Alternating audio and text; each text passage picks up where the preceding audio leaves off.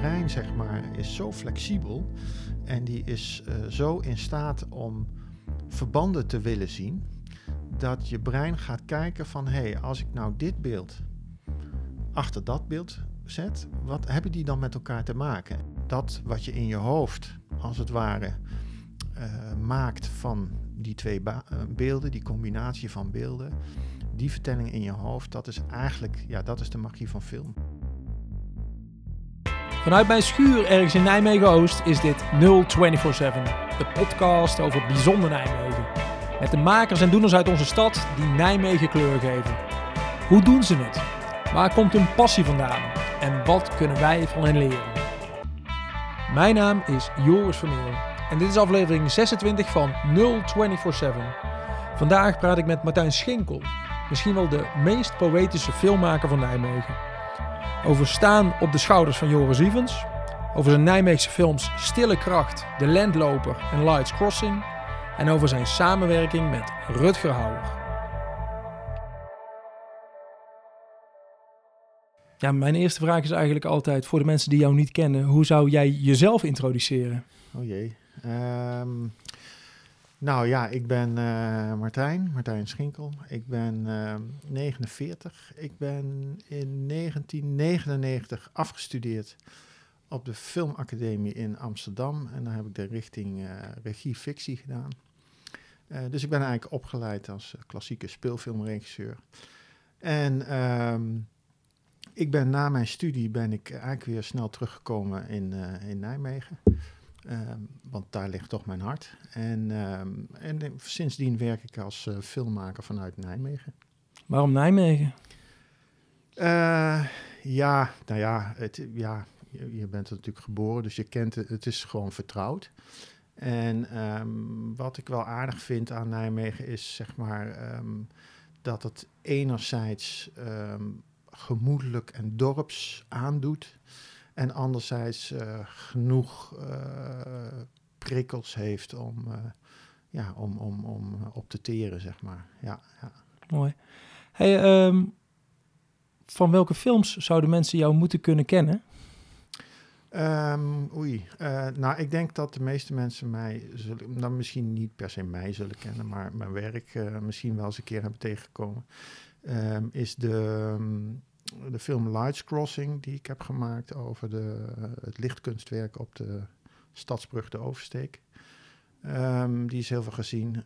Um, um, ik, uh, ja, god, wat heb ik nog meer gedaan? Uh, ik heb natuurlijk heel veel films gemaakt. Ik heb een film gemaakt over een vader en een zoon die al 35 jaar samen naar NEC gaan. Stille kracht. ja, stille Wil ik het dadelijk ook nog met je over hebben? Ja, ja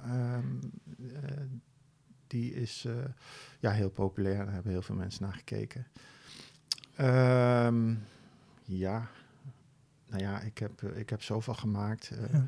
Voor de mensen die jou nog niet kennen of je willen leren kennen, Vimeo, Martijn Schinkel. Ja, je ja. komt er en uh, je bent een avond of twee zoet, kan ik je vertellen. Met heel veel plezier. Ja, leuk. Hey, 1999 afgestudeerd, zei je? Ja.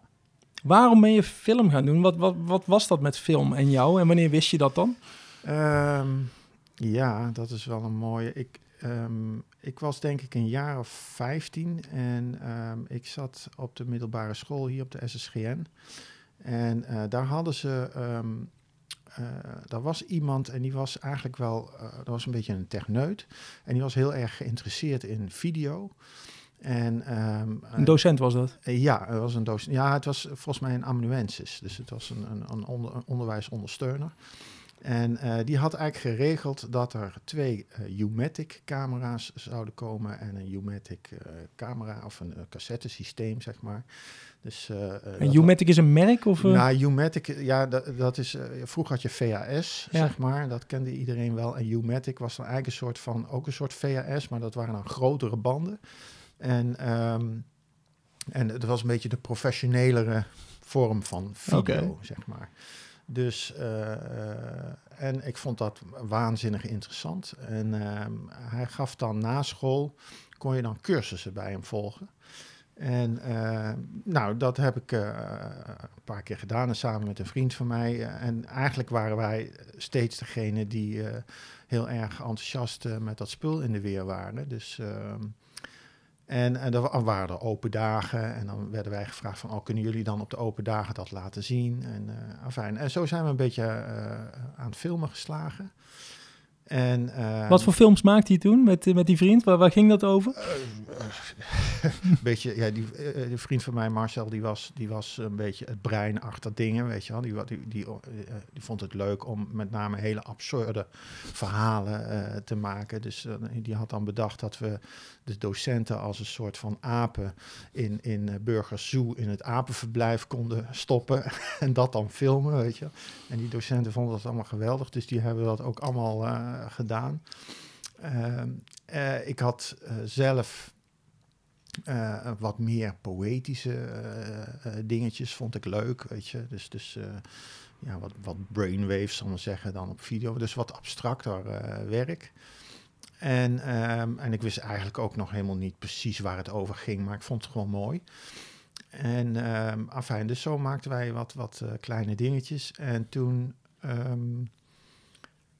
kwam Joris Ivens naar Nijmegen. Want die werd eigenlijk um, in ere hersteld, zeg maar. Die werd ereburger van Nijmegen. Want uh, Joris Ivens, Nijmeegse cineast, ja, ja. Uh, in ere hersteld. Wat was er weten. met hem gebeurd?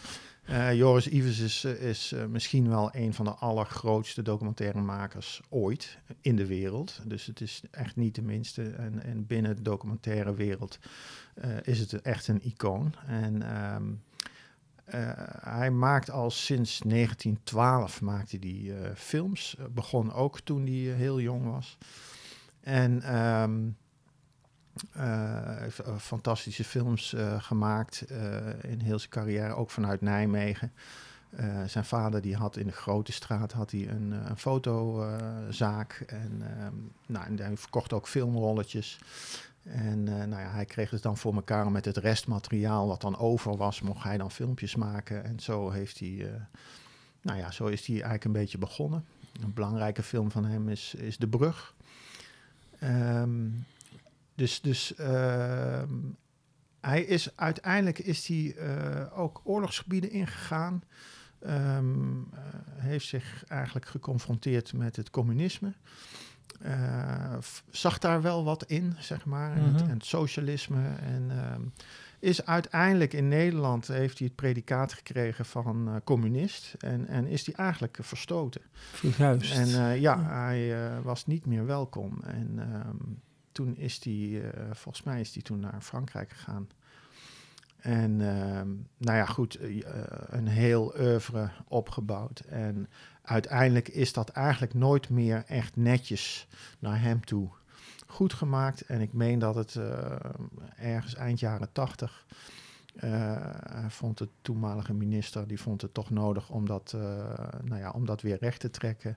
En nou ja, dat gebeurde dan in Nijmegen en hij kreeg het ereburgerschap. En nou ja, goed, toen... Ehm, uh, toen bleek dat uh, hij op de voorloper van de SSGN had gezeten en de, uh, zeg maar een beetje de kartrekker van de stichting Joris Ivens, Europese uh, Joris Ivens Stichting, ehm, André Stufkens, die gaf les, tekenles als tekendocent, die gaf les op de SSGN, dus die kende ik goed. En um, ja, die was altijd heel super enthousiast over de dingen die wij dan deden samen, weet je. Dus, dus, uh, en die zei van, uh, weet je, Joris Ivers komt naar Nijmegen, die uh, heeft hier op school gezeten. Ik wil hem heel graag uitnodigen om naar zijn oude school te komen natuurlijk een nieuw gebouw. En, en, en uh, nou ja, goed, uh, natuurlijk allemaal heel lang geleden dat hij uh, in Nijmegen op school zat. Maar hij had dat dan toch geregeld.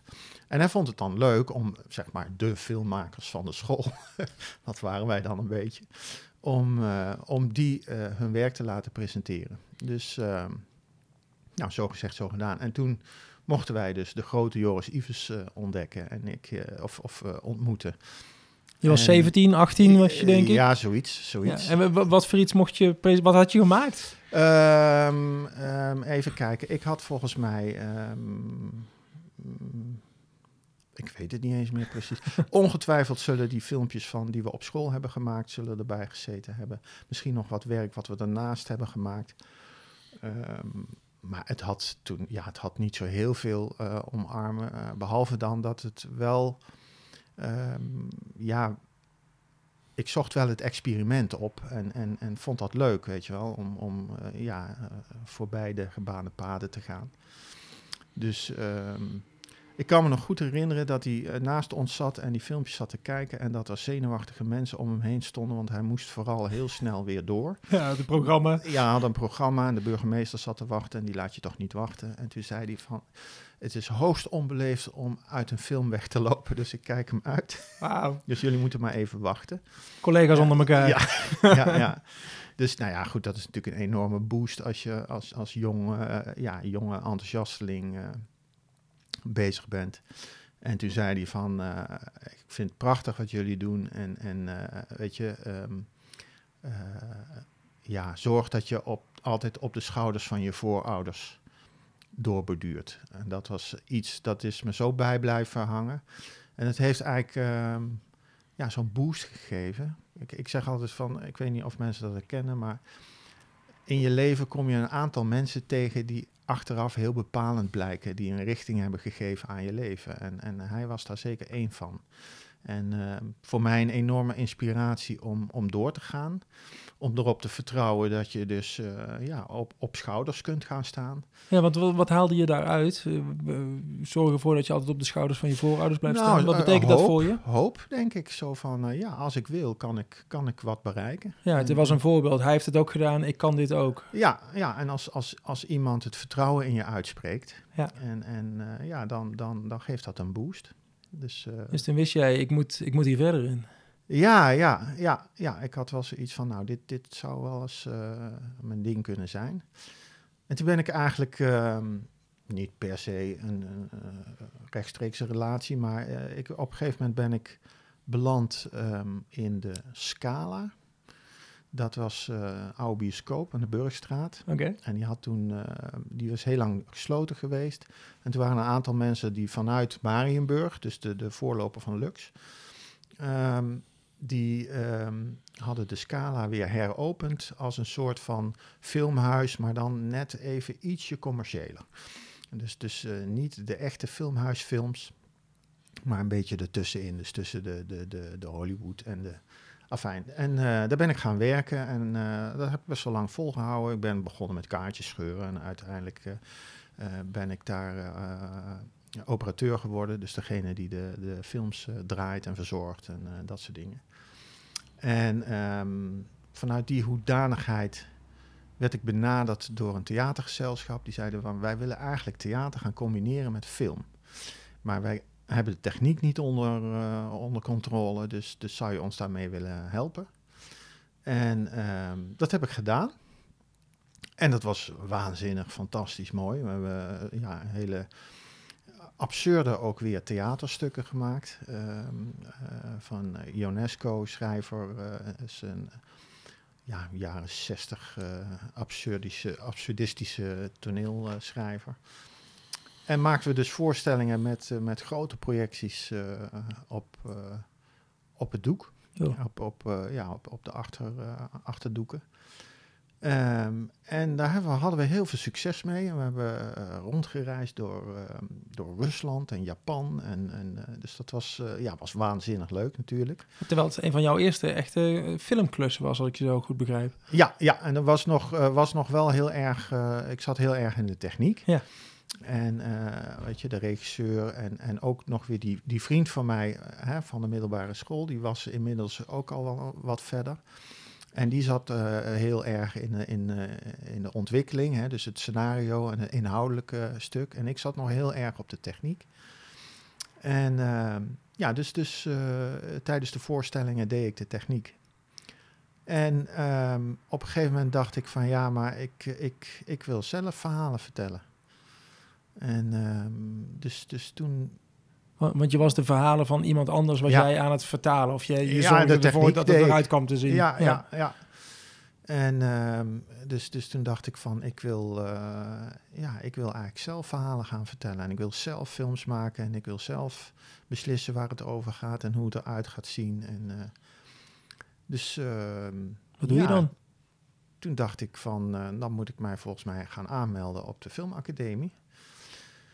En ehm, nou ja, ik had natuurlijk al wel gezien dat dat eh, best een, eh, een lastige klus eh, zou worden. Er werden maar heel weinig mensen aangenomen. En ehm, dus toen heb ik, dacht ik van ja, ik moet wel iets van een portfolio hebben natuurlijk. Dus ik dacht van nou, ik, ik, ik, ik, ga, wat, ik ga wat maken. Ik had wat dingetjes opgeschreven, een scenariootje uitgewerkt en dat soort dingen. Dus, en ik had een paar clipjes gemaakt. En eh, ehm, toen ben ik eh, naar Amsterdam gegaan, heb ik me aangemeld. En toen kreeg ik eigenlijk te horen van, nou, er zit wel wat in, maar het komt er nog niet echt uit. We twijfelen erover en ehm, we zouden je eigenlijk willen uitnodigen om komend jaar je portfolio te vullen, meer te gaan maken en dan volgend jaar nog een keer aan te melden. Dus dat heb ik gedaan. Dus eh, ik had daarnaast ook natuurlijk allerlei baantjes, deed van alles. Eh, eh, ik heb ook veel in, in horeca gewerkt, in een swing gewerkt. Heel veel mensen denken, oh, je hebt een bekende kop, weet je wel. En dan heel vaak is het van, oh ja, je stond Duizend jaar bar. geleden Ja, achter de bar. achter de bar, daar kennen we je van. Ja, ja. Dus, eh, eh, ja, dus, dus toen heb ik me het jaar erop eh, aangemeld weer. En ehm, eh, ja, toen, Overtuigd. ja, toen mocht ik komen. En zo ben ik eigenlijk begonnen. Ja. Hey, wat ik je al een paar keer hoor zeggen, is dat je op de middelbare school eigenlijk al wel je eigen stem aan het zoeken was. Ik, ik, ik hoor je poëtisch eh, beelden zeggen, wat, nog wat ik nog steeds terugzie in je film, absurdistische kant. Ja, Ehm, hoe zoek je je eigen stem als filmmaker? Hoe gaat zoiets? Ontdek je dat? ja, ik weet niet of je dat zoekt. Ik denk dat je... ehm, ehm, kijk, ik denk dat bij mij in ieder geval is begonnen met ehm, vertrouwen op je talent. Dus je doet dingen en je weet eigenlijk niet precies waarom. En op een of andere manier komt daar steeds wel iets uit wat werkt. Dus intuïtie. Ja, ja, weet je, en je voelt van hé, hey, dit werkt wel en dit, dit werkt eigenlijk niet. En, en, ehm, en het grappige is dat je dat met name voelt in de montage. En ehm, Wa- Want kun je uitleggen hoe je een film maakt? Eh, je hebt een scenario, je gaat eh, schieten ja, ja, eh, en vervolgens ga je naar binnen. ja, ja. ehm, Leg jij Het- eens wat beter uit, alsjeblieft, het een, Martijn. eh, het is een complex, eh, eh, complex ding. Ehm, en ja, niet iedereen werkt hetzelfde, maar ehm, kijk, in principe is het zo, je, je hebt een verhaal, je wil eigenlijk een verhaal vertellen, of je wil eigenlijk, ja, een, of een boodschap, of, weet je, en het hoeft allemaal niet zo heel erg grote boodschappen te zijn, kan ook heel klein zijn. Maar het belangrijkste is denk ik voor mij dat ik mensen in een, eh, soort van ervaring wil trekken. Dus, dus ehm, ja, film heeft voor mij altijd iets magisch gehad. En ik heb me altijd afgevraagd van, wat is nou de magie van film? En, ehm, en ik ben zelf altijd van overtuigd geweest dat de magie van film is dat het iets is dat als je er naar kijkt, dat je tijd, ruimte, plaats vergeet en dat je helemaal in een verhaal gezogen wordt. En dat je bij wijze van spreken een speelfilm zit te kijken en dat je na anderhalf uur eh, eh, de bioscoop uitloopt en denkt van ik ben echt in een andere wereld geweest. Alles, de, mijn eigen wereld ben ik even helemaal vergeten, maar ik ben helemaal in dat verhaal gezogen. En dat vind ik zoiets eh, ja, magisch dat dat kan. En ehm, ja, dus, dus, dus dat heb ik altijd gezocht. Van, van hoe, hoe- ja, wanneer lukt het je om, om zeg maar in, in- ja, daar ingezogen te worden? Wat, wat is daar nou eigenlijk precies voor nodig? Eh, en dan, ja, als je jezelf ontwikkelt als maker, dan ga je zien dat de montage een grote rol speelt, dat geluid een grote rol speelt. Het verhaal natuurlijk, het scenario. En, en, en dat je op een gegeven moment, en dat is wel ook wel weer aardig, dat je gaat zien dat de, ehm, de techniek die je nodig hebt om een film te maken, dat het eigenlijk eh, dat het daarmee valt of staat, of dat je zeg maar eh, in die ervaring gezogen wordt. En wa- wat is dan techniek? Nou, bijvoorbeeld de montage. Hè, dus, dus als een las niet helemaal lekker loopt, Een, een las Dan- is een overgang. ja, ja dan, dan ehm, hè, of, of, of eh, een camerabeweging er niet goed in zit of net wat, ehm, dan word je direct uit, die- uit dat magische moment getrokken. Eh, weet je, want dan voel je de techniek. Ja. En om de techniek niet te voelen, moet je waanzinnig veel techniek, over heel veel techniek beschikken, om dat voor elkaar te krijgen. Dus het camerawerk moet perfect zijn, het geluid moet perfect zijn en de montage moet goed zijn. Dus niks mag jou eigenlijk ja, afleiden van die uit en uit die filmervaring eh, trekken. En, en ehm, ja, dat is wel grappig als ik er nu zo over denk ook. Dat, dat, ehm, daar is het voor mij ook begonnen. Dus de fascinatie voor de techniek. En eh, ja, uiteindelijk ook zien dat de techniek eh, ervoor zorgt dat je zo'n filmervaring kan eh, creëren. In ieder geval, ja. ja. Ja, maar de techniek is eigenlijk het fundament. Dat moet goed zijn. Ja. Als dat niet goed is, dan stort je huis in. Eh, ja, dan, dan, dan raak je uit die. Dat zijn heel veel elementen waardoor dingen in kunnen storten. Maar dan, dan ben je snel uit de filmbeleving. Ja. Ja. Dus, dus een basis is er. Je hoort ook wel eens bijvoorbeeld eh, grote abstracte schilders eh, vertellen over hun werk. En dan, dan zeggen ze bijvoorbeeld van ja, maar ehm, eh, Picasso bijvoorbeeld, die, die, die maakt dan een portret. En dan denk ja, veel mensen denken dan van ja, dat, dat, dat kan mijn dochter van zes ook. En, en, eh, maar als je goed gaat kijken of als je ervoor staat, denk je van nou echt niet. Want dat, dat, daar komt zoiets binnen. En eh daar komt ook zo'n beleving komt er op je af. En ehm, ja, dat, daar is iets voor nodig. En, en eh, dan hoor je vaak schilders zeggen van ja, daar zit een hele traditionele, geschoolde kunstenaar achter. Die portretten ja, kan tekenen die je bij wijze van spreken zo van het doek af kan, kan, kan halen, zo, zo realistisch. En die vanuit dat realisme en vanuit die techniek een soort abstractere vorm vinden. En eh, op die manier dingen kunnen maken die echt een beleving oproepen. Ja, Ja. Je, je bedrijf heet het derde beeld. Ja, Dat heeft hier ook wel mee te maken, kan ik me zo voorstellen. zeker, Het zeker. derde beeld, ik, zal- ik zal even eh, oplezen wat ik hier opgeschreven. Het beeld dat wordt opgeroepen als twee beelden in elkaars nabijheid worden geplaatst. Ja. Eh, Dat, roept eigenlijk, dat is eigenlijk de magie van film, volgens Ja. mij. Ja. Wanneer ontdekte je dat, dat dat derde beeld, dat het daar eigenlijk om gaat? Eh, poeh, dat is een goeie. Ehm, ja. Ik denk... ehm, ik denk, ja... Door de jaren heen eh, lees je hier en daar eens wat. En op een gegeven moment kwam ik in aanraking met... eh, eh, het werk van, van Eisenstein, een Russische filmmaker. En die, die, die had een boek geschreven over de montagetheorie. Dus ook weer in de techniek. En ehm, die legde heel mooi uit wat montage kan doen met je film. En ehm, dus ik ben er een beetje in gaan duiken. Ik, ik ben eigenlijk helemaal niet zo van, van, van in die zin eh, zwaar researchen of, of eh, ehm, over filmgeschiedenis of net wat, weet je wel. Dus, dus, eh, maar de grote lijnen, die, die, eh, die weet ik natuurlijk wel. En wat mij wel fascineert is dat. ehm, kijk, als ik, als ik bijvoorbeeld eh, eh, met, met jonge makers eh, werk, ik heb een aantal studenten die ik lesgeef ook. En ehm, het mooie om te zien is eigenlijk als je begint met filmmaken, is dat je, ehm, dan begin je eigenlijk ook bij de filmgeschiedenis. En ehm, dan laat ik, vaak laat ik een van de eerste filmpjes zien. Niet de allereerste film, maar zo rond 1900 heb je Méliès en die maakte filmpjes. En dat is, één filmpje eh, en dan haalt hij een soort goocheltruc uit op een podium waarin hij zichzelf kloont als een, als, als een heel orkest. En eh, dat is natuurlijk een technisch trucje. En in die tijd was dat eh, ja, fantastisch. Daar, daar, daar liepen kermissen van vol. Bioscopen had je nog niet. En, ehm, en als je dat dan gaat analyseren, dan zie je eigenlijk dat er eigenlijk van montage nog helemaal geen sprake is. Anders dan dat de camera aan en uit wordt gezet. En dat de positie van de camera, die staat eigenlijk voor het podium. En die neemt eigenlijk als het ware, die registreert als het ware eh, het verhaal wat zich afspeelt voor de camera.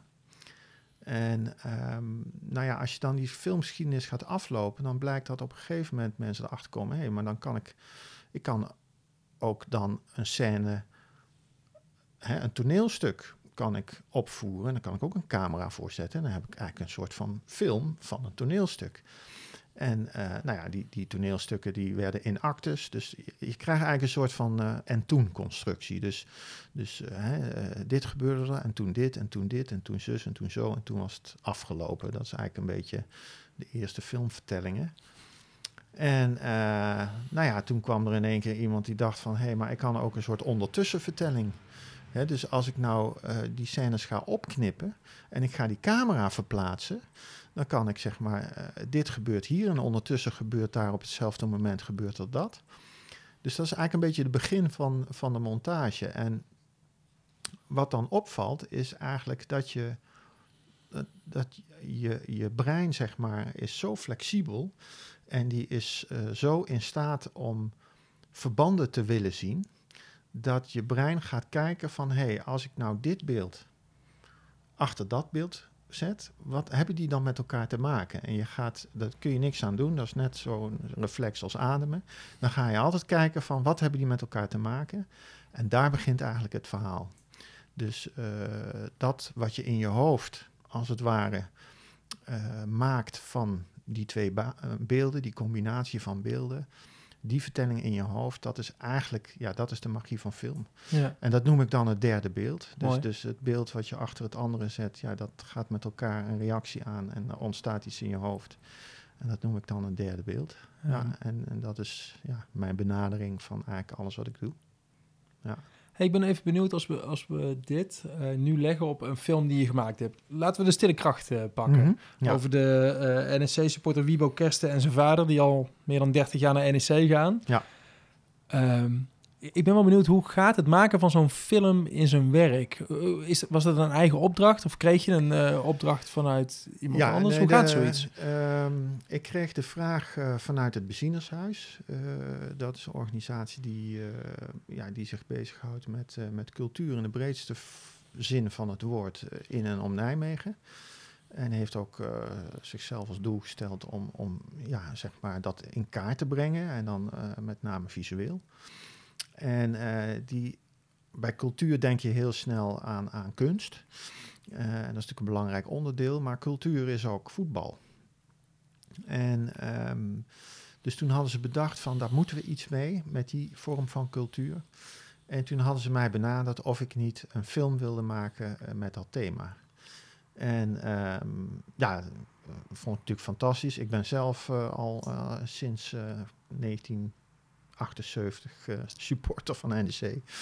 Dus, uh, dus je kent die cultuur ook? Ja, dus ik ken dat inderdaad heel erg goed. En uh, ja, wat ik heel erg, uh, ja, wat ik, ik had zoiets van, nou, weet je, uh, als we het hebben over voetbalsupporters, dan is er zo'n beeld wat eigenlijk meteen opgeroepen wordt. Voetbalsupporters, dat wordt geassocieerd met, met rellen, met toestanden, met, met uh, ja, schreeuw, schreeuwende, lelijke, schreeuwende, bierdrinkende mannen. Precies.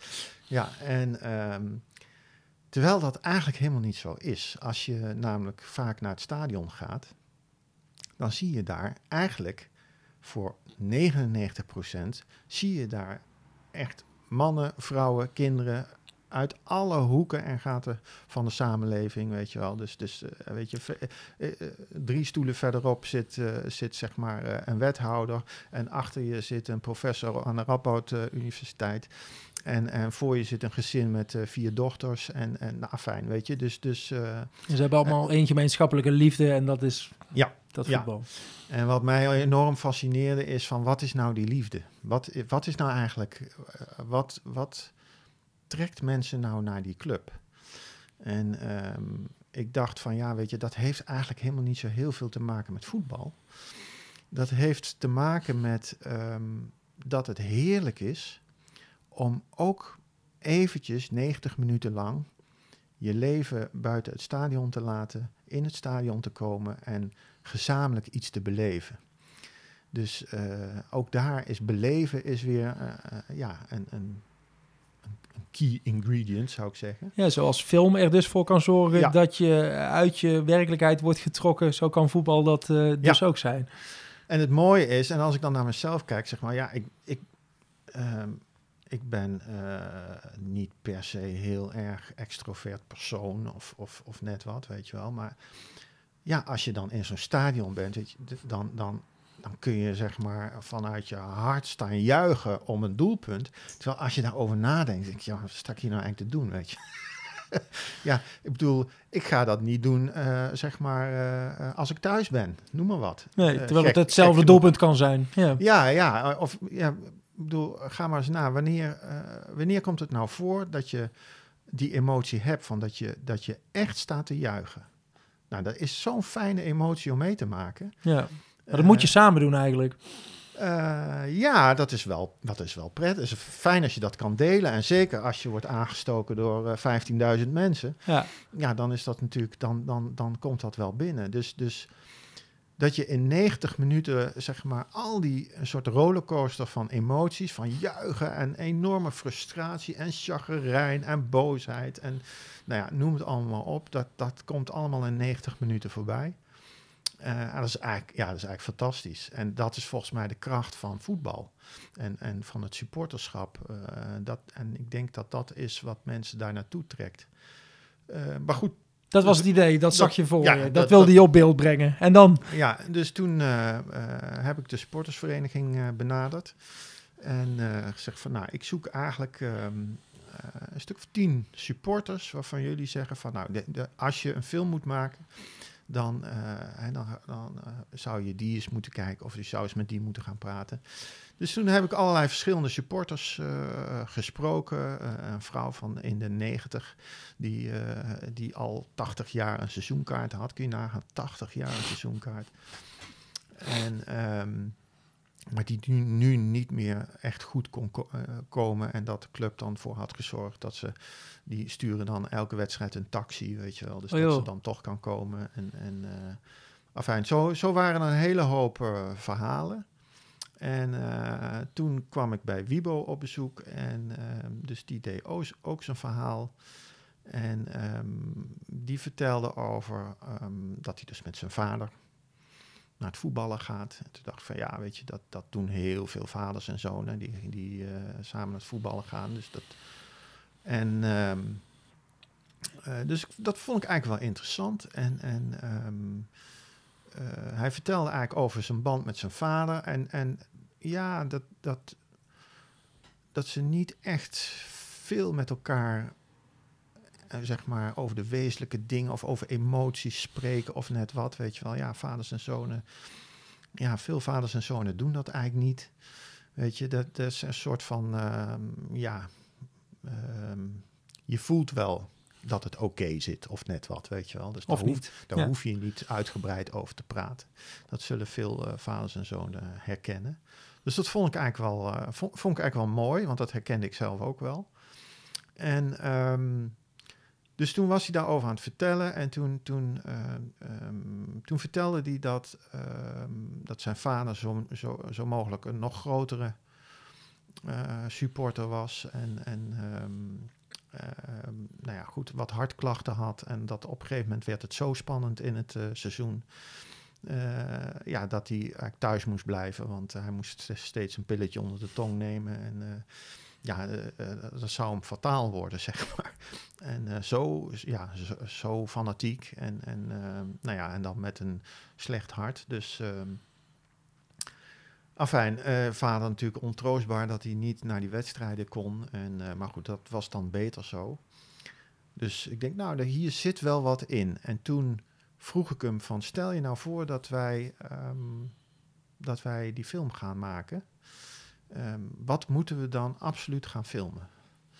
Wat is voor jou de belangrijkste plek eigenlijk? En toen zei hij van, ja, eigenlijk, eigenlijk is dat het laantje van als we de auto parkeren en dan naar het stadion toe lopen. Dat laantje, zeg maar, die route lopen van, vanuit de auto. En Door het samen park, door het met mijn bos. vader door het park inderdaad eh, naar het stadion lopen. Dat, ja, dat, dat moet erin. En, en, uh, dus niks en met had- voetbal eigenlijk. Het is gewoon Nee. buiten het stadion. ja, nou, hij had natuurlijk net verteld over, eh, over zijn vader en die, eh, en, en die wedstrijd. En, en toen, toen schoot hij in één keer vol en zei van ja, als ik, als ik zeg maar over na moet denken dat ik dat niet meer zou kunnen doen met mijn vader, ja, daar moet ik niet aan denken.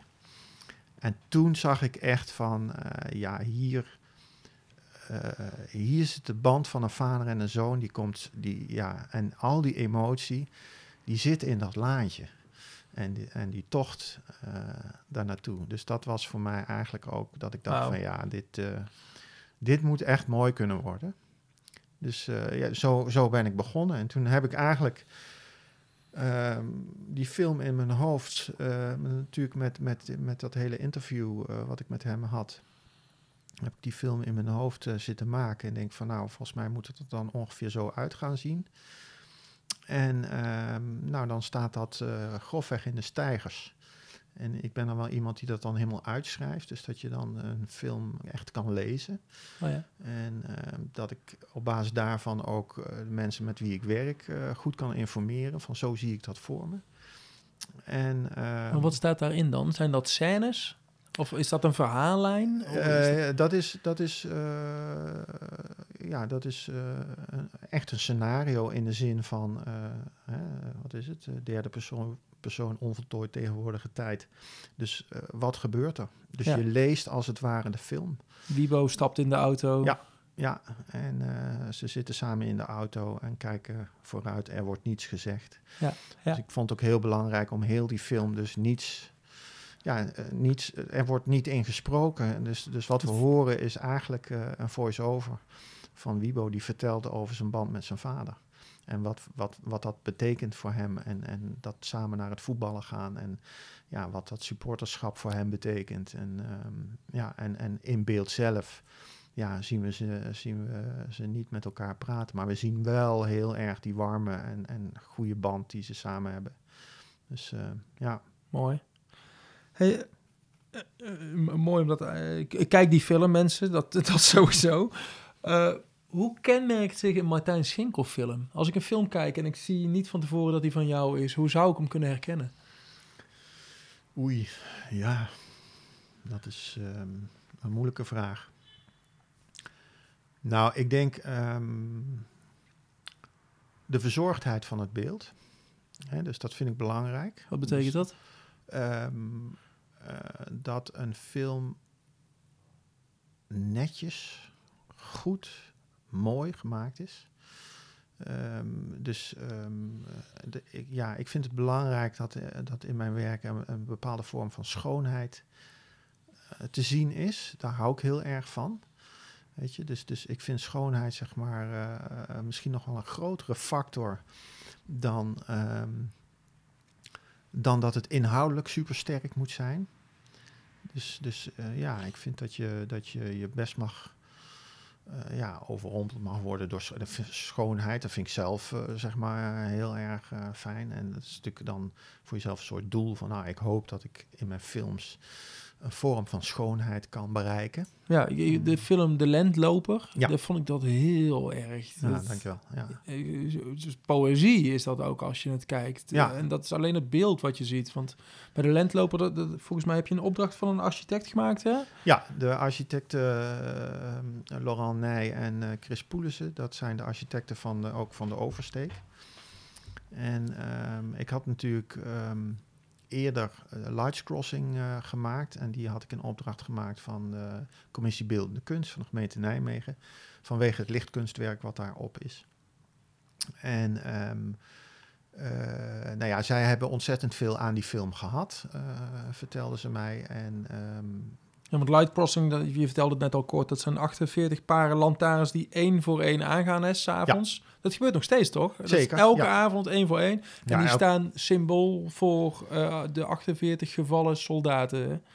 Ja, die, die brug die is, die is eh, op exact dezelfde plek eh, gebouwd als, als waar in eh, 1944 Amerikaanse soldaten hebben geprobeerd de oversteek te maken om, om Nijmegen zeg maar, te bevrijden. En uh, nou ja, goed, die, die, werden uit het water geschoten. En dat was een vreselijke uh, veldslag, zal ik maar zeggen. En er zijn 48 uh, soldaten zijn daarbij omgekomen. En um, op die plek stond een monumentje om dat te herdenken. En toen die brug daar kwam, stond dat monumentje eigenlijk in de weg. En daar moesten ze iets mee.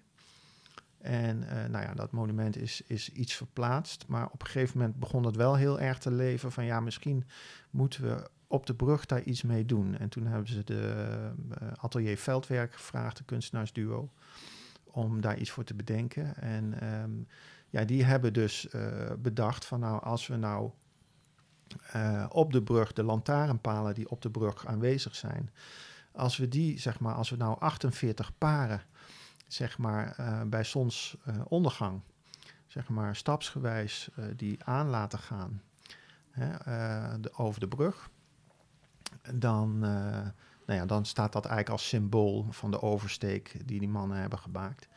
Dus nou, heel, ja, heel erg mooi werk. het probleem was echt dat heel veel mensen niet van het bestaan afwisten. En um, dus de vraag was van, ja, hoe kunnen we dat doen? Nou, middels een film. Niemand wist het, omdat ze... Soms zat je wel in je auto en dan zag je het gebeuren... en dan dacht je, wat is hier aan de hand? Uh, ja, de, ja, de, lampen gaan achter elkaar aan, waarom niet ja, in één keer? Ja, nee, weinig mensen wisten daarvan, van dat kunstwerk. En, en, uh, of van dat monument eigenlijk. Dat is eigenlijk een soort monument. En... Um, dus, dus ja, daar, daar moest meer, uh, daar moest meer uh, aandacht voor komen. En, uh, en dus was, was de vraag om daar dan een film van te maken.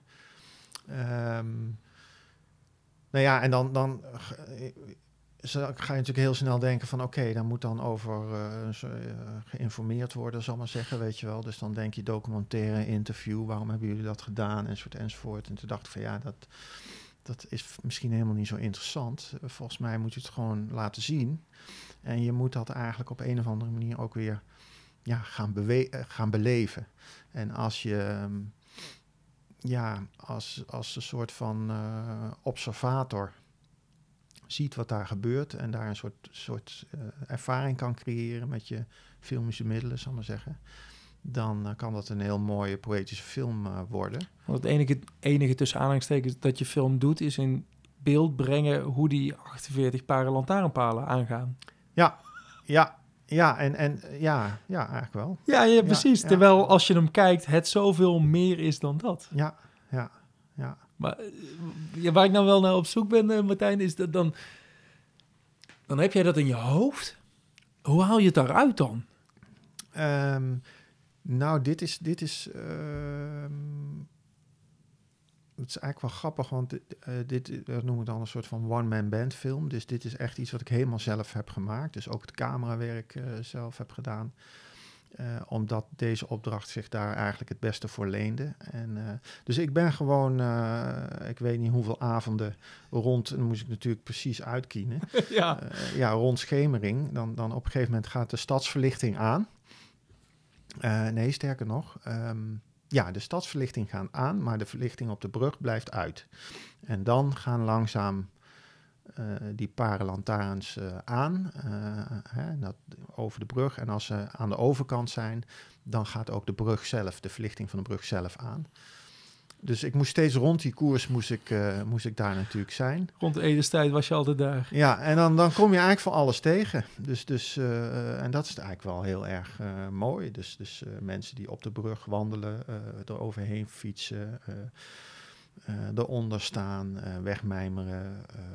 ja, er gebeurt zoveel op zo'n brug. Dus, dus ehm, maar wist je dan, ja, als je daar s'avonds heen ging, wist je al wat je ging filmen? Nee, nee. Nee, precies. Nee, nee, er zit ook uh, een hele hoop improvisatie bij. Wat er gebeurt. Ja, gebeurt dus, dus, het oog hebben voor, hey, dit, dit, uh, ja, dit, dit heeft wel iets moois. En als je, als je weer teruggrijpt naar dat, dat idee van als ik twee beelden naast elkaar zet, dan gebeurt er iets in je hoofd. Kijk, als je met film, wat mooi is aan, aan film, is dat je zeg maar ergens op in kan zoomen. En als je ergens op inzoomt, dan moet het wel belangrijk zijn. Snap Want anders dan maak je dat beeld niet. En, en uh, ja, dat is natuurlijk uh, waanzinnig mooi. Dus als je, als je op die brug staat en je hoort in één keer zo'n zo'n zo'n paraglider Weet je, uh, zo'n zo, zo, zo ja, soort, soort vlieger met een, een brommetje eronder, zou maar zeggen, die, die was daar aan het vliegen. Ja, dat bedenk je niet, die is er dan toevallig. Ja. En denk van, oh, dat is wel heel erg mooi als ik die nou precies het beeld in laat vliegen. Weet je, dus dan maak je een camerapositie waarin je weet van, nou, dat ding komt eraan, en dan komt die mooi zo mijn shot invliegen.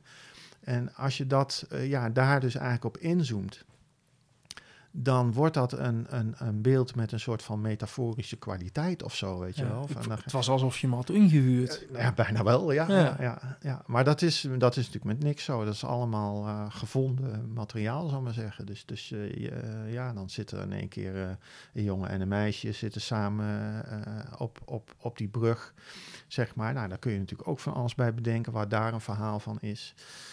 Uh, of een, uh, een, fiets die stilstaat uh, onder de brug bij, ehm, langs de waterkant met een boot die voorbij komt. Weet je wel, zo'n soort ja, eenzame fiets.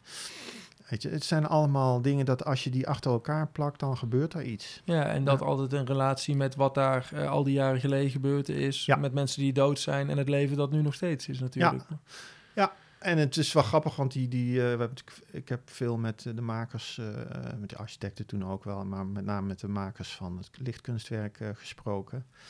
En ja, die waren ervan overtuigd, nee, we moeten, die film die moet dan wel beginnen duidelijk met waar het over gaat. Ja. Mm -hmm. en, en ik dacht van nee, ik ga helemaal niet vertellen waar die film over gaat. Dat doe ik aan het einde pas.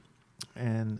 Um, nou, zij hadden hun vraagtekens en uiteindelijk uh, hebben ze wel gezegd van, uh, verrek, ja, dit werkt wel heel erg goed. Ja. ja. mooi. Zij hadden daar natuurlijk niks over te zeggen, maar nee. je opdrachtgever was die commissie. In ja. hoeverre moet je bij hen dan laten zien van dit ga ik doen? En dat, ik vertel pas aan het eind wat, wat de voorgeschiedenis is geweest. In hoeverre heb je de vrije hand daarin? Um, nou, in principe heel vrij. Uh, dus, dus ja, de, uh, maak een film uh, daarover. En hoe zou je dat dan doen? En dan, dan is het niet zo van, nou, we zien je wel over een jaar en dan, of over een half jaar. En dan zien we wel wat het geworden is. Dus, maar er zitten natuurlijk allerlei stadia tussen. Dus, dus ik heb eerst gedacht van, nou, hoe ga ik dit nou aanvliegen? Wat ga ik nou doen? Ga ik inderdaad een interview doen of niet? En waarom dan niet? En, en dus zo is dat een beetje ja, ben ik een maand of zo mee bezig geweest om dat voor mezelf eens even helemaal duidelijk te krijgen. Natuurlijk uh, contact gezocht met, uh, met die makers en, en um, uh, ja, ook, ook met hun overgehaald. Ik wilde ook recht doen aan hun visie. Ja. Dat vond ik belangrijk. Ik vind dat dat terug moet komen in die film. Dus, dus wat zij graag willen zien van hun eigen werk, daar wil ik rekening mee houden. dat vind ik belangrijk. Dus uh, ja, zo is dat eigenlijk. En zij waren eigenlijk meteen enthousiast met, ja, te gek, weet je wel. Laat het zien en, en, en niet per se uh, praatje, plaatje en, en uh, zo'n docu-achtig ding. Maar ja, creëer een ervaring. fantastisch, want dat is het ook. Ja. Dus ja, en, en dan, ja, dan, dan kom je met zo'n verhaal terug bij die commissie. Zeg van, nou, ik heb met hun gesproken, zijn enthousiast. Uh, dit en dit een beetje, is een beetje het idee. Ik ga dat ze, zo aanvliegen. En um, um, ja, dan, dan, dan ja, spreek je momenten af van oké, dan, dan laat ik zo meteen een eerste edit zien. En dan kunnen jullie nog zeggen van nou, uh, dit vinden we helemaal niks. Of, of uh, dit wordt wel wat, of net wat. En dan, ja, dan heb je een aantal stappen in zo'n proces. En dan uiteindelijk rond je die film af. En uh, ja, als, je, als het gelukt is, dan is de opdrachtgever uh, tevreden. En dat waren ze. Dus, uh, ja, ze hadden er veel aan gehad, zeiden ze. Hebben ze je verteld? Ja, Wat betekent de, dat dan? Nou, de, de, de architecten. De architecten die, die, uh, um, die, hadden natuurlijk op zich niet zo heel veel met die film te maken als aan, aan opdrachtkant of net wat. die heb ik natuurlijk wel gesproken. maar die vonden het zo mooi, want het is natuurlijk wel hun brug. En um, uh, zij hebben die film. Um, het zijn niet de eerste, de beste architecten. En zij maken bruggen over heel de wereld. En um, zij geven ook heel veel lezingen over heel de wereld. Dus op uh, grote uh, architectuurinstituten en, en universiteiten en, en zelfs ook grote musea. Dus MoMA New York bijvoorbeeld. nou, dan hebben ze die film mee naartoe genomen en daar een lezing gegeven. Dus ja, dat is natuurlijk voor mij ontzettend leuk om dan te weten dat jouw film in MoMA New York heeft gedraaid. weet je. En, ehm, maar goed, en, en uh, om te laten zien, zeg maar, ja, om, om zo'n brug even te laten, dus de beleving die je kunt hebben op zo'n brug en wat die brug betekent. En zeker die brug als monument. Precies. Uh, nou ja, daar, daar hebben ze heel veel uh, aan gehad. Ze hebben die film dus heel veel laten zien. Het is meer dan een verbindingsmiddel tussen A en B. Ja, ja. ja. En ook om, um, um, om voor hun ook om, om weer opdrachten binnen te halen. weet je? Dus, dus uh, ja, dat is natuurlijk heel belangrijk. Van, uh, en zij, zij hebben daar heel veel aandacht voor. Dus zij maken prachtige boeken uh, over hun eigen werk. En dat laten ze maken door, door ja, echt hele goede fotografen die prachtige beelden maken. En, en dus, dus ja, je eigen werk zeg maar zo uh, in de etalage zetten is voor architecten natuurlijk waanzinnig belangrijk. En zij doen dat, uh, vind ik, heel erg goed en terecht ook, want ze maken echt prachtige dingen. Ja. En um, dus ja, ze, ze, hadden daar heel veel aan gehad en het was inmiddels vier, vijf jaar geleden. Ehm, en toen zei ze van, nou, nou komen wij bij jou en dan zouden we eigenlijk graag willen dat je een film maakt over de landloper. Want die hebben zij ook gemaakt. Landloper is het, uh, het kleine bruggetje. Ja, ja. Ik, kan het heel slecht uitleggen. Kan jij de landloper is eigenlijk de kleine brug die uh, Land verbindt met... Uh, nou, dat is niet helemaal waar. Ehm, ja, die ligt bij Land is de, over de Spiegelwaal. Ja, dus precies, de Spiegelwaal is, zeg maar de, de, de omlegging. Hè, Als van mensen hem zien, dan, dan, ja. dan, kennen ze hem. Iedereen kent hem. Precies. Een, een fantastisch mooie brug. En een kleine brug. En... Uh, ja, heel erg mooi. Wat is de opdracht die je meekreeg van het uh, bureau? maak net zo'n mooie film. ja, ja, ja, dat was wel heel fijn. Ja, ja. Dus, dus hij is heel vrij. Ja. En waar begin je dan? Want bij dat andere had je nog echt een verhaal te vertellen. Wist ja. je van die 48 paren pa lantaarnpalen? Ja. Nou, Hier moet je nu, op zoek naar een verhaal. Ja, nu had ik bedacht van ja, weet je, de... de um, ik hou heel erg van, van uh, programma's over architectuur en zo. En, en uh, ik kijk graag naar die series dat mensen dan uh, een droomhuis bouwen. Mm. En hoe ze dat dan doen, weet je wel. Dus dat vind ik altijd leuk. En dan hoor je heel vaak architecten zeggen van ja, we gaan iets bouwen en het moet opgaan in de natuur. weet je, het moet één worden met de natuur. En afijn, dus, dus dat, dat hoor je heel vaak terug. Bouwwerken moeten zeg maar, opgaan in de natuur. Moeten, moeten, moeten, ja, die plek moet passen. Of het, ja, het bouwwerk opvallen. moet passen ja. op de plek waar het staat. En uh, ja, dat heeft me altijd wel gefascineerd, die, die, die, die, uh, uh, dat ze dat zo belangrijk vonden. En toen dacht ik bij deze brug van ja, weet je, de, de, je hebt natuurlijk ook nog een soort van sociale, sociaal landschap dus in hoeverre um, past die in het sociale landschap? Dus, dus uh, um, ja, hoe moet dat zeggen? De, de, de, gebruik, de mens, de mens uh, maar niet alleen de mens, maar ook het dier of een plantje of net wat, weet je Die brug. De gebruiker. Die, ja, die brug die, die, die heeft een gebruiker. En um, wat wel aardig is, is ook natuurlijk met eh, die ervaring die ik had met het maken van die andere film over die brug. Elke keer als ik over die, die grote brug rijd, de oversteek, dan voelt dat een beetje als mijn brug. Mhm.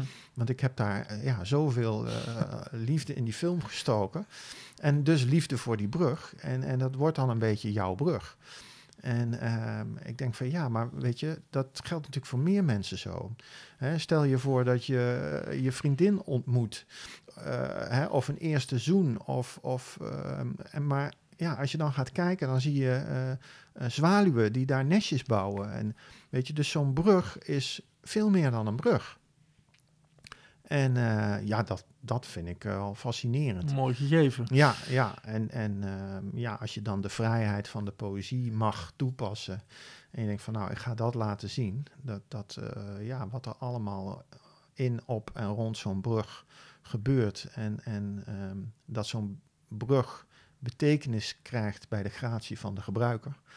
Ja, dat, dat, uh, dat, vind ik, uh, dat vond ik mooi en dat is mijn startpunt geweest. En dat heb ik natuurlijk ook weer met hun overlegd. En zei van, nou, fantastisch, ja. uh, daar zien we wel wat in. Dus ja. Te gek.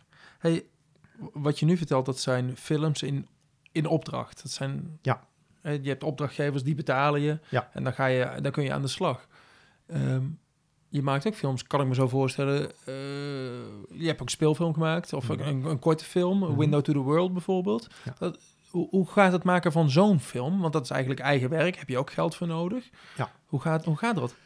Ehm, nou, dat is op zich wel een grappig verhaal, want ehm, ik weet niet eh, of je dat fenomeen kent, maar je hebt het eh 48-hour eh, filmproject Ja. eh, fenomeen. Ehm, In 48 uur samen met andere mensen Ja. een film in elkaar knallen. dus veel filmfestivals doen dat tegenwoordig. Dus dan, dan gedurende het filmfestival dan, dan heb je een team en dan, dat stel je dan samen en dan moet je in 48 uur een film maken.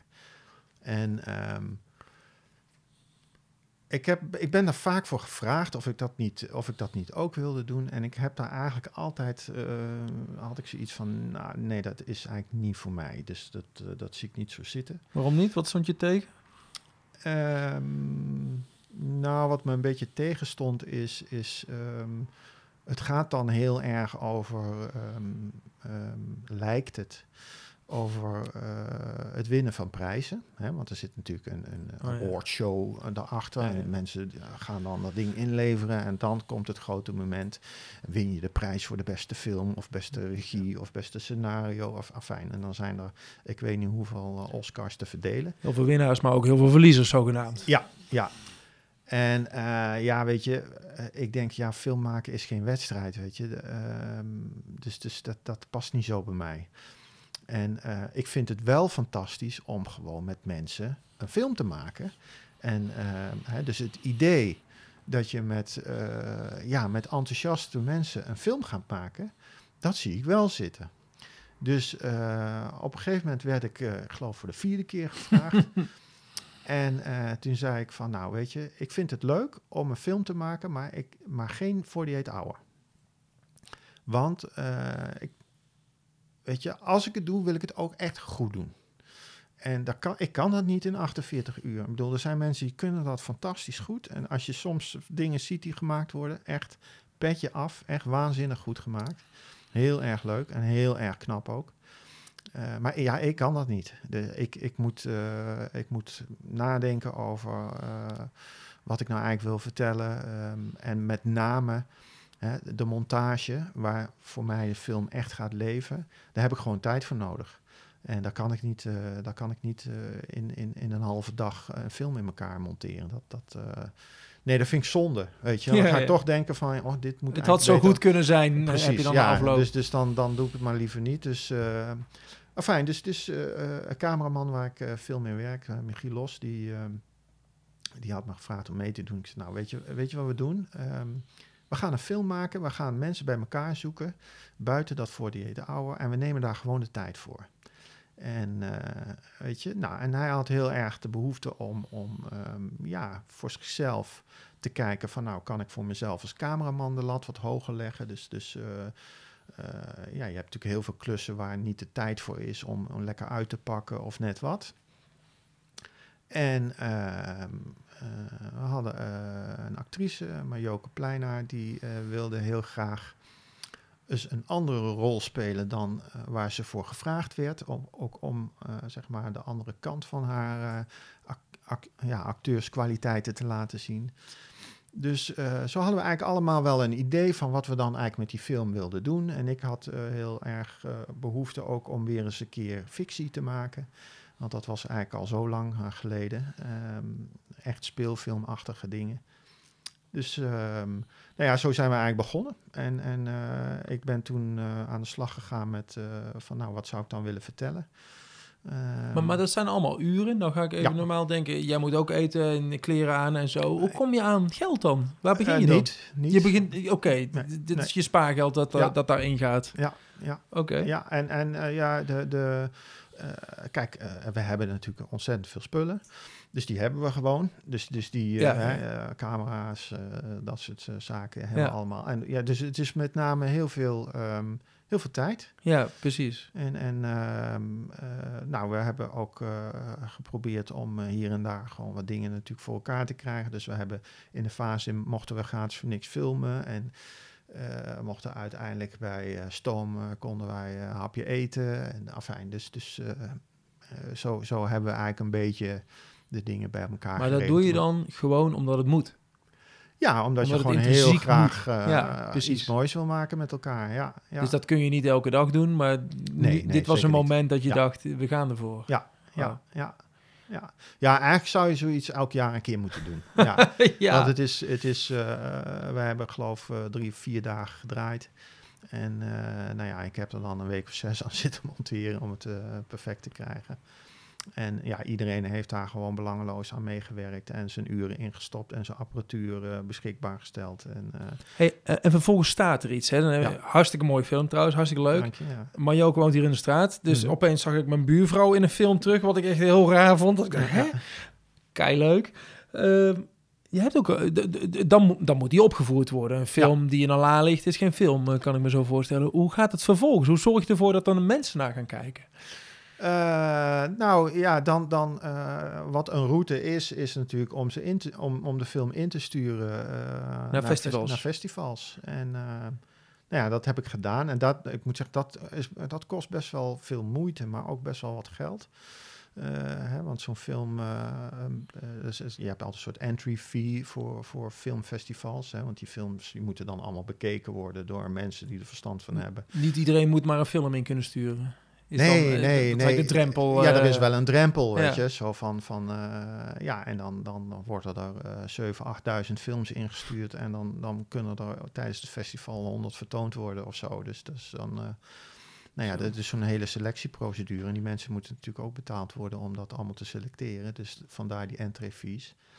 En... Um, ja, ik, ik heb uh, uh, gekeken van nou, wat, wat, wat zijn aardige festivals uh, waar het wellicht een kans zou hebben. En dat zijn heel veel online festivals. En um, dus nou ja, daar, daar heb ik de film naartoe gestuurd. En um, ja, over het algemeen is dat redelijk succesvol verlopen. Mooie kritieken gehad. Ja, ja, ja, ja. De film is veel geselecteerd.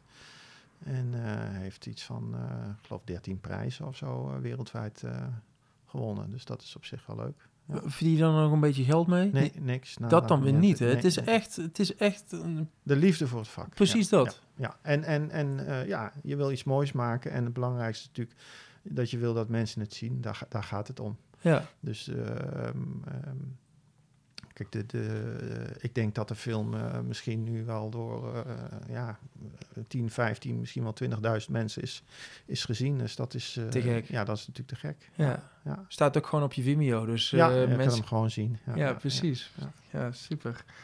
Um, aan de ene kant, je bent een filmmaker, maar je bent ook gewoon een kunstenaar. Die. Die, die, twee dingen die moeten samen gaan met elkaar. Is dat een strijd of hoe zie je dat zelf? Um, nou, ik, ik, weet niet of het een strijd is. Het is een. Um, um, het zijn twee kanten van mij. En ik ben, uh, ik voel mezelf ook best ondernemer. Ik vind dat ook leuk, weet je. Dus ik vind het ook leuk om in opdracht dingen te doen. En ik vind het fantastisch dat als, als er een vraag komt van een, van, ja, van een opdrachtgever, en maakt me niet uit, weet je, uh, wat bij wijze van spreken. Uh, ik moet natuurlijk wel een beetje een klik hebben met een opdrachtgever, maar, maar um, um, ja, ik heb, het maakt me niet zoveel uit wat er, uh, wat er in beeld gebracht moet worden of welk verhaal er verteld moet worden. Weet je, in alles zit een interessant verhaal. En um, dus, dus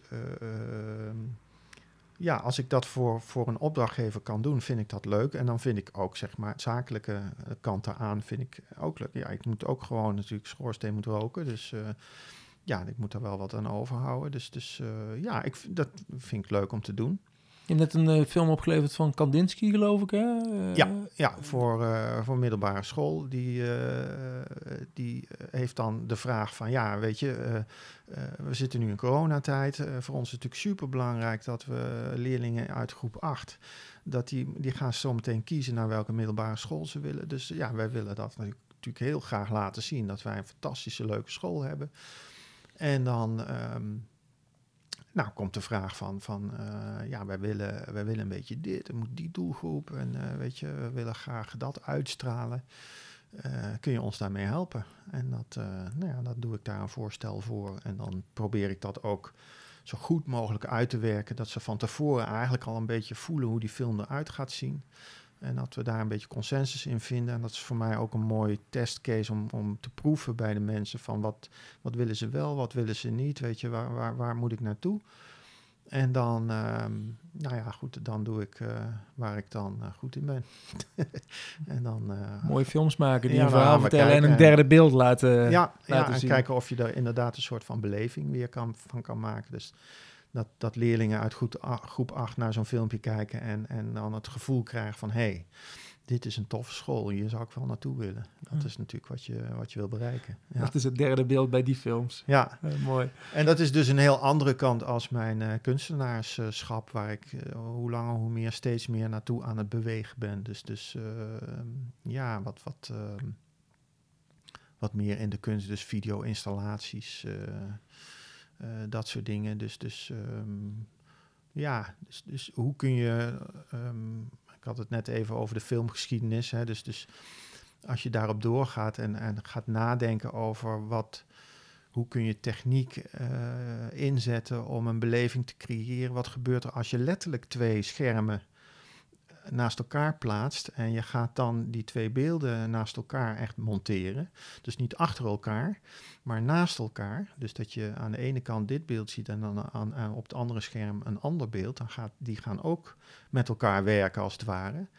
Dat zijn statische beelden dan of dynamische uh, beelden? Nee, dynamische beelden, dus gewoon opnames. Uh, ja. ja wat, wat, gebeurt er dan? Uh, is, is dit de shout zelf waar je nou over praat of niet? Ja. Ja, precies. Kun je daar iets over vertellen? Um, ja, Shout zelf dus eigenlijk um, um, begonnen met uh, de vraag om eventjes kijken, ja, uh, ook weer het bezienershuis uh, toevallig, die wilde een festival organiseren over pijn en lijden. Suffering Matters heet dat festival. En dat zou eigenlijk uh, afgelopen, uh, even kijken, april, dus april 2020 zou dat uh, festival moeten zijn in de Sint-Steefskerk met een aantal kunstwerken. maar ook heel veel lezingen en, en, en nou, van alles zou er om te doen zijn. Een maand lang in het teken van pijn en lijden.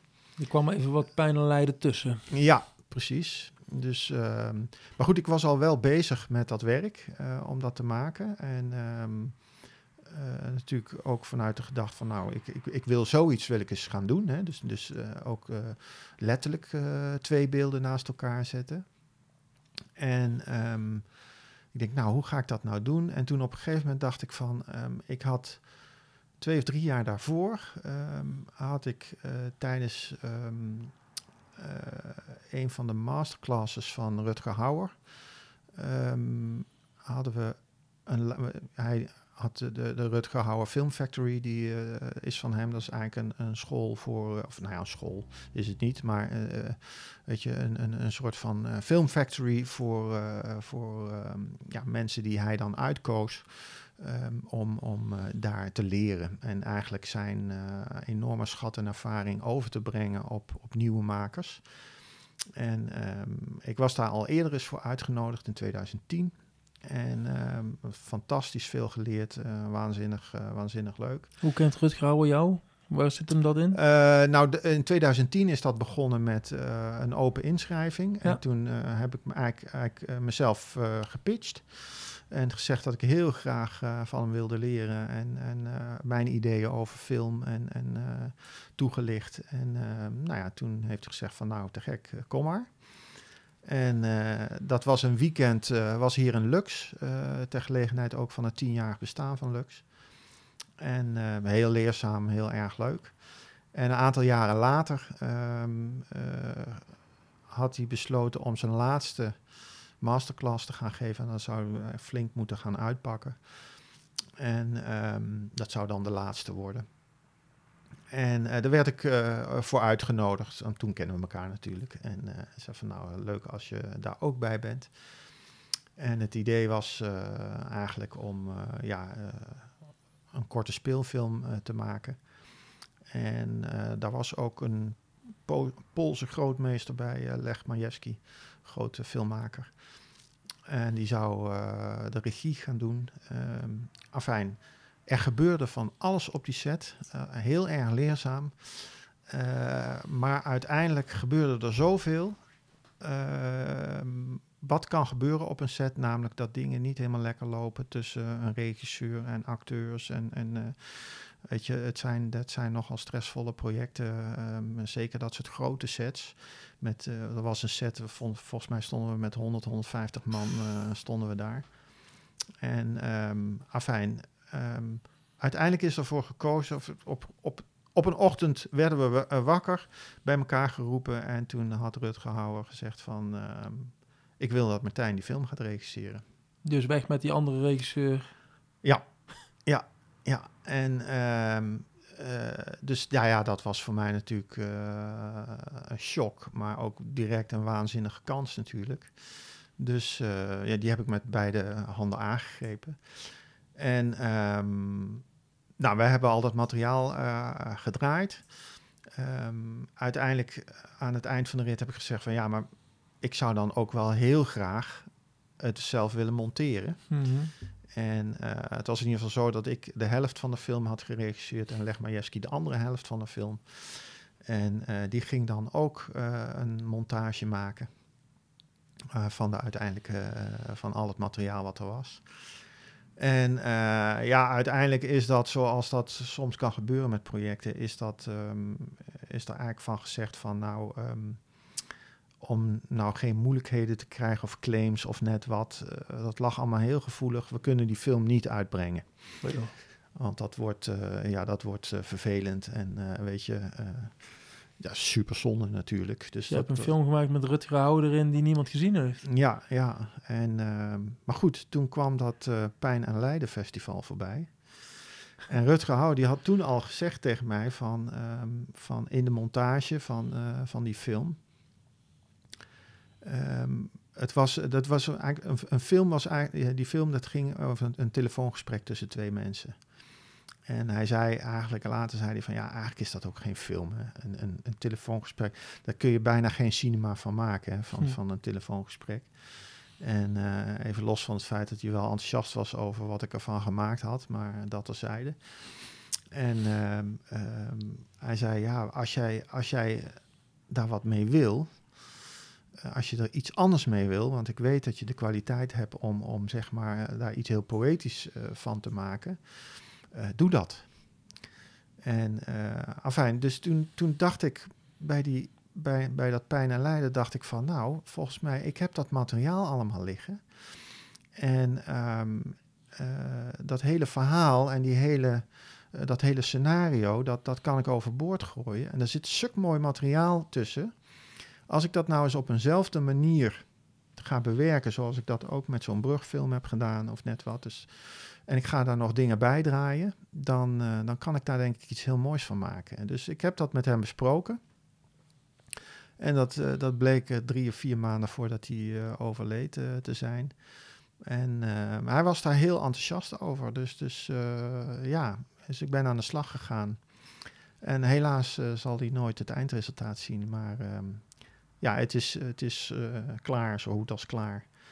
En, uh, nu Want het idee was dat, er een, dat het in april tentoongesteld zou worden. Daar Ja. kwam corona tussen. Ja, en dan zou dat een jaar uitgesteld worden. Dus dat wordt nu uh, april van dit jaar. Laat het open. Maar goed, uh, ja, ik heb er een hard hoofd in. Dus misschien wordt het wel april, volgend jaar. Maar Ja. ja. ja, het is wel iets waar ik, ja, waar ik waanzinnig trots op ben. En um, ja, wat voor mij ook echt wel een soort van ja, eerste treden is in de richting van, uh, van echt uh, kunstenaarschap, zeg maar. Dus, dus veel meer filmkunst. Ja. Ja, is dat... Uh, ik, ik had de vraag opgeschreven, welke film moet jij ooit nog gaan maken? Maar betekent dat dat je wellicht minder films gaat maken en meer op audiovisuele installaties gaat richten? Ehm, nou, ik ben niet zo van het uitsluiten. Dat is ook een beetje een valkuil. Ik wil graag alles doen, weet je. ik vind alles fantastisch. En eh, ja, als iemand komt die zegt van... God, wil je een film maken over, eh, eh, over het beton storten op de Waalbrug? Want hè, Rijkswaterstaat heb ik ook een film voor gemaakt. Ik denk, ja, waarom niet? Weet je, leuk. ja, hoe kun je dat leuk maken, weet je? Dus, dus ja, dat zal altijd blijven. En dat vind ik ook leuk om te doen. En, uh, maar maar uh, ja, de, de, de liefde voor, voor um, ja, de nog abstractere ervaringen in de vorm van installaties. En, en kijken of je met meer uh, schermen als maar één beeldscherm dingen kan doen. Dat vind ik wel super interessant. Ja. En dat is denk ik wel een route die die wat meer ruimte gaat krijgen in de toekomst, uh, wat mij betreft. Ja. Voor jou gaat het meer ruimte ja, geven. Ja, ja, precies. Ja. Dus, dus uh, het, inderdaad zal het een wat minder worden en het andere hopelijk wat meer. Ja. ja. Ik vond het fijn dat je er was. Ja, leuk. Dankjewel voor een, uh, voor een mooi gesprek. Graag gedaan. Zo, dat was hem dan alweer. De 26e aflevering van 0247. Ik praatte met Martijn Schinkel, misschien wel de meest poëtische cinematograaf van Nijmegen. En mocht je de komende tijd eens een avondje niks te doen hebben, google dan eens op Vimeo Martijn Schinkel. Dan kom je geheid terecht op zijn pagina waar hij al zijn prachtige films, korte films, neer heeft gezet. Nou, je zult je verwonderen. Het is een Nijmegen zoals je het niet kent. Ik vond het echt te gek eh, om die films te mogen zien en helemaal te gek om uh, er met hem over te mogen praten. Het is januari 2021. We zitten midden in die lockdown. En je zult het vast gemerkt hebben, uh, door die lockdown interview ik de laatste tijd maar erg weinig mensen. Um, ja, ik heb er echte volken voor om mensen face-to-face te interviewen en niet via Zoom of via Teams. Um, dan kun je de connectie toch net wat beter opbouwen. En tegelijkertijd proberen we natuurlijk met z'n allen zo voorzichtig mogelijk met elkaar om te gaan. Heel af en toe spreek ik dus nog eens iemand in mijn coronaproof schuur, waar dan de ramen openstaan en we twee meter van elkaar afzitten. Ja, soms komt het er ook niet van. Mijn lijst met nog te interviewen personen wordt alleen maar groter en groter. Dus de plannen blijven en nooit gaat het goed komen. Uh, tot die tijd wil ik jullie uh, veel sterkte wensen. Hou vol, luister al mijn podcast en ga dus de video's van, uh, van Martijn op Vimeo luisteren. Of bekijken vooral. Um, wil je me een bericht sturen? Dan kan dat via de website 0247.nl, via mail jorisapenstaatje0247.nl of via Instagram podcast 0247. Dit was het voor deze keer. Tot de volgende maar weer. Haaien!